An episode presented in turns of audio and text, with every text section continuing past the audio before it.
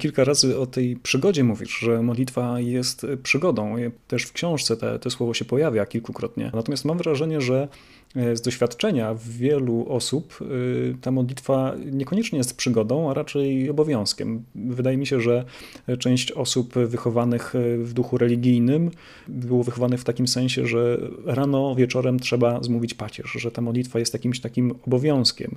Czy rzeczywiście modlitwa ma być naszą powinnością? Y, no, właśnie chcielibyśmy, żeby ona wynikała z naszego serca, ale czy to jest tak, że jeśli jakiś nawyk y, tej modlitwy, powiedzmy tego pacierza, którego się nauczyliśmy y, jako dzieci, jeśli on pozostał, czy, czy on może być rzeczywiście takim fundamentem, na którym się buduje, czy raczej powinniśmy ten pacierz, który być może nie do końca jest taką modlitwą głęboką, o której piszesz w książce. Czy to jest jakiś mur, który powinniśmy obejść albo może nawet zburzyć, żeby tę naszą relację z Bogiem, prawdziwą relację, osobistą relację zbudować na nowo?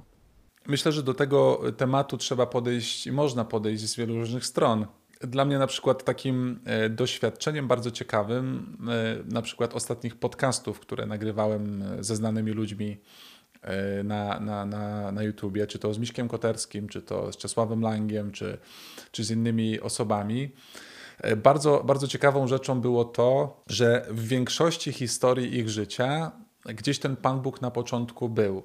E, bardzo często na przykład była to babcia, która modliła się na różańcu, brała do kościoła.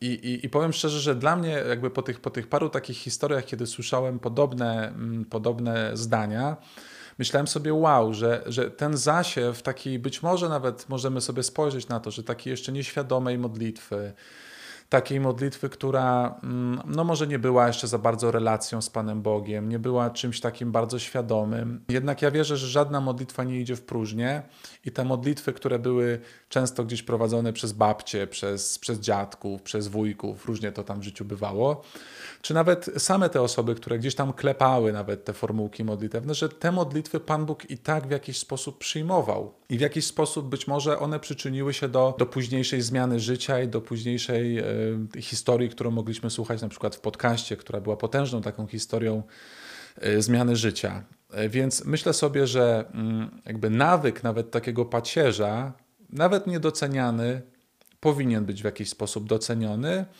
E, wiadomo, że człowiek, który później doświadcza spotkania z żywym Jezusem i patrzy wstecz, mówi, mówi sobie, no to wszystko to był taki no, jakiś cień, no to, to była jakaś taka rzeczywistość, no, no prawdziwie się nie modliłem, nie było w tym serca, nie było w tym e, jakiejś prawdy, którą, która jest teraz.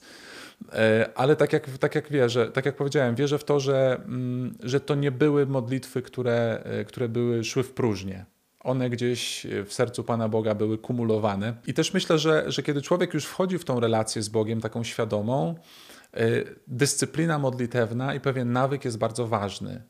To znaczy, zobacz, że, że zobaczmy wszyscy, że na, na samym początku był pewien nawyk do pacierza, i teraz wchodzimy w pewien nawyk, pewną dyscyplinę, która już wypływa z serca.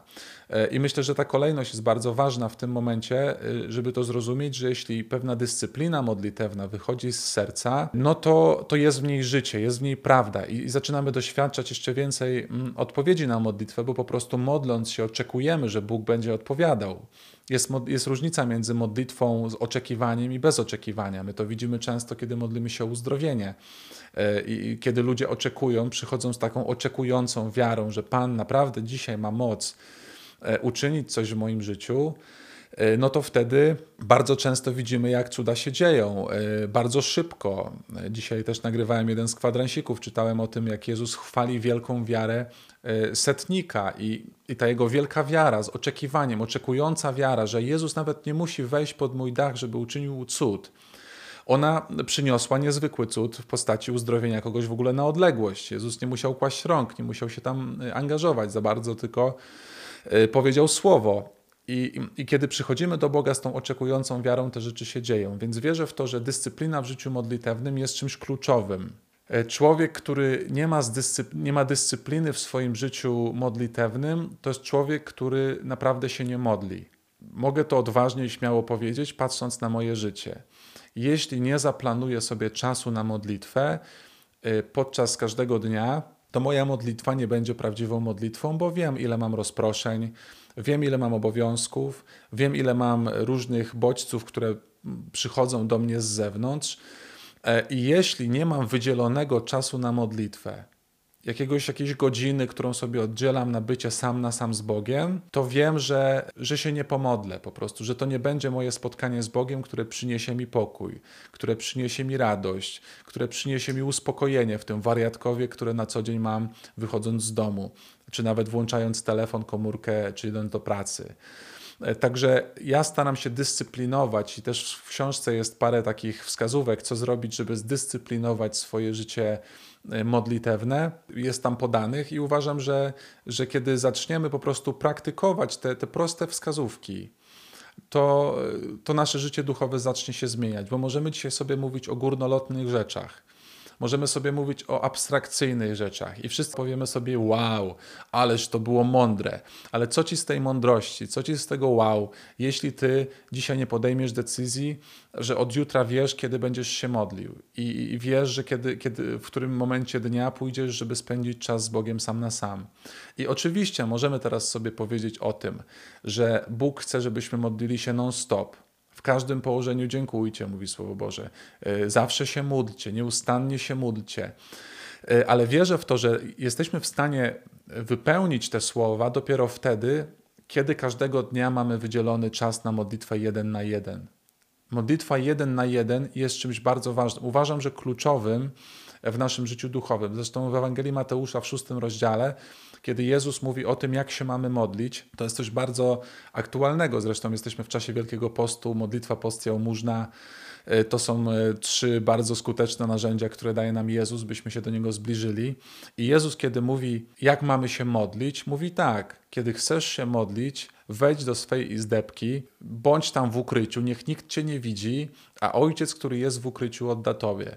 W tłumaczeniu na XXI wiek, kiedy chcesz się modlić, idź do pokoju, idź do kaplicy, idź do miejsca, które masz, wyłącz telefon, jakby odetnij się od bodźców, które masz, które są e, gdzieś na co dzień w twoim życiu, odetnij się od tego i daj Bogu czas sam na sam. Niech nawet nikt o tym nie wie. I wtedy otrzymasz nagrodę.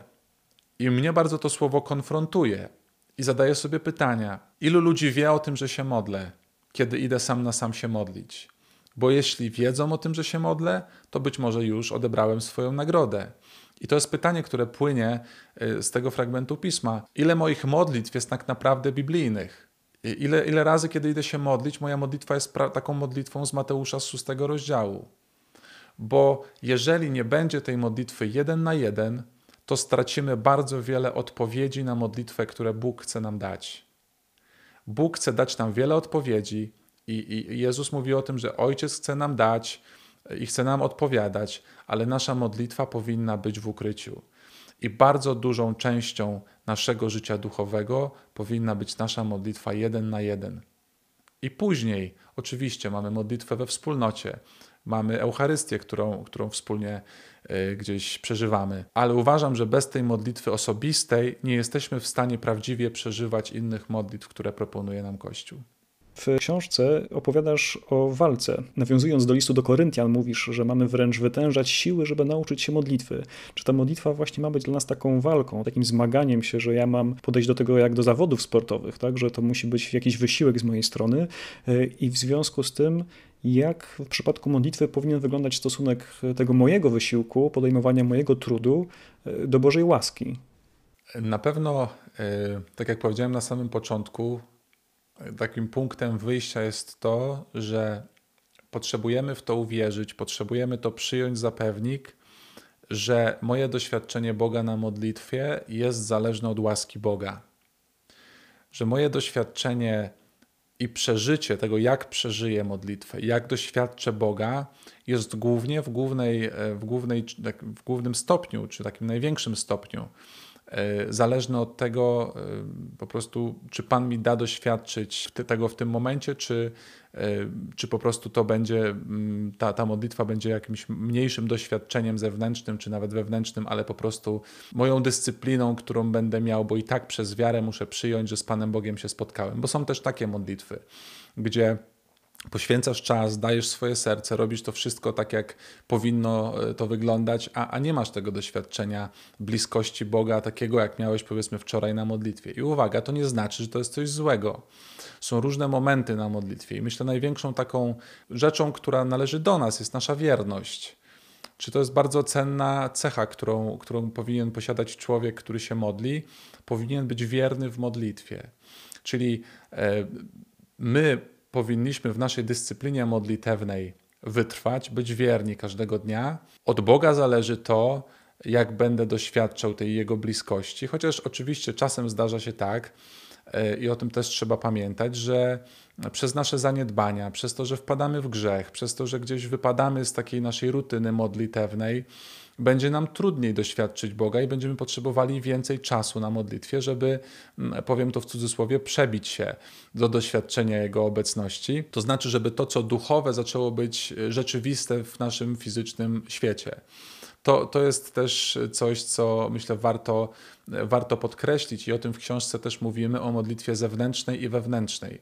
O tym, o tym mówią też ojcowie pustyni że człowiek, który się modli, święta Teresa na przykład mówi to o tych, o tych siedmiu e, komnatach e, i im głębiej wchodzisz w tym większą, tam, w tym kolejną komnatę wchodzisz i doświadczasz obecności, bliskości Boga. Wielu świętych o tym wspomina i to jest doświadczenie również każdej osoby, która się modli, która poświęca czas na modlitwę e, bo tego doświadczenia nie można osiągnąć modląc się po prostu przez chwilkę. E, przynajmniej w moim doświadczeniu to wymaga czasu. Ja kiedy chcę się naprawdę pomodlić i spotkać z Bogiem, potrzebuję w mojej słabości koło godziny czasu, żeby, e, żeby zacząć doświadczać jakiejś takiej zmiany w, duchu, zmiany w, w, tej rzeczywistości duchowej, w której się zagłębiam przez modlitwę. I teraz, e, jeśli chodzi o, nas, o nasz wysiłek, czasem modlitwa jest walką duchową. Czasem modlitwa jest walką z naszą cielesnością, bo mamy jakby dwa źródła e, wrogów, z którymi walczymy, to znaczy jest ten wróg duchowy i czasem wróg, czyli diabeł albo demony, będą nam podsyłać różne e, pułapki, żebyśmy nie zaczęli się modlić, nie weszli głębiej w modlitwę, żebyśmy nie doświadczyli Boga tak, jakbyśmy mogli go doświadczyć. Zły duch będzie próbował nas odciągnąć od modlitwy, bo wie, jak potężną bronią jest modlitwa. Ale jest też jeszcze pewne źródło, e, które nam przeszkadza, to znaczy nasza cielesność. To, że jesteśmy po prostu ludźmi, którzy są słabi. To jest to, co Pan Jezus powiedział w, mm, w ogrodzie przed e, jego, jego drogą krzyżową, przed męką kiedy wziął ze sobą Piotra Jakuba Jana mm, i, i, którzy nie mogli wytrzymać z nim nawet godziny na modlitwie. Jezus mówi, nie mogliście wytrzymać ze mną. E, I Jezus w pewnym momencie mówi, duch jest ochoczy, ale ciało jest słabe.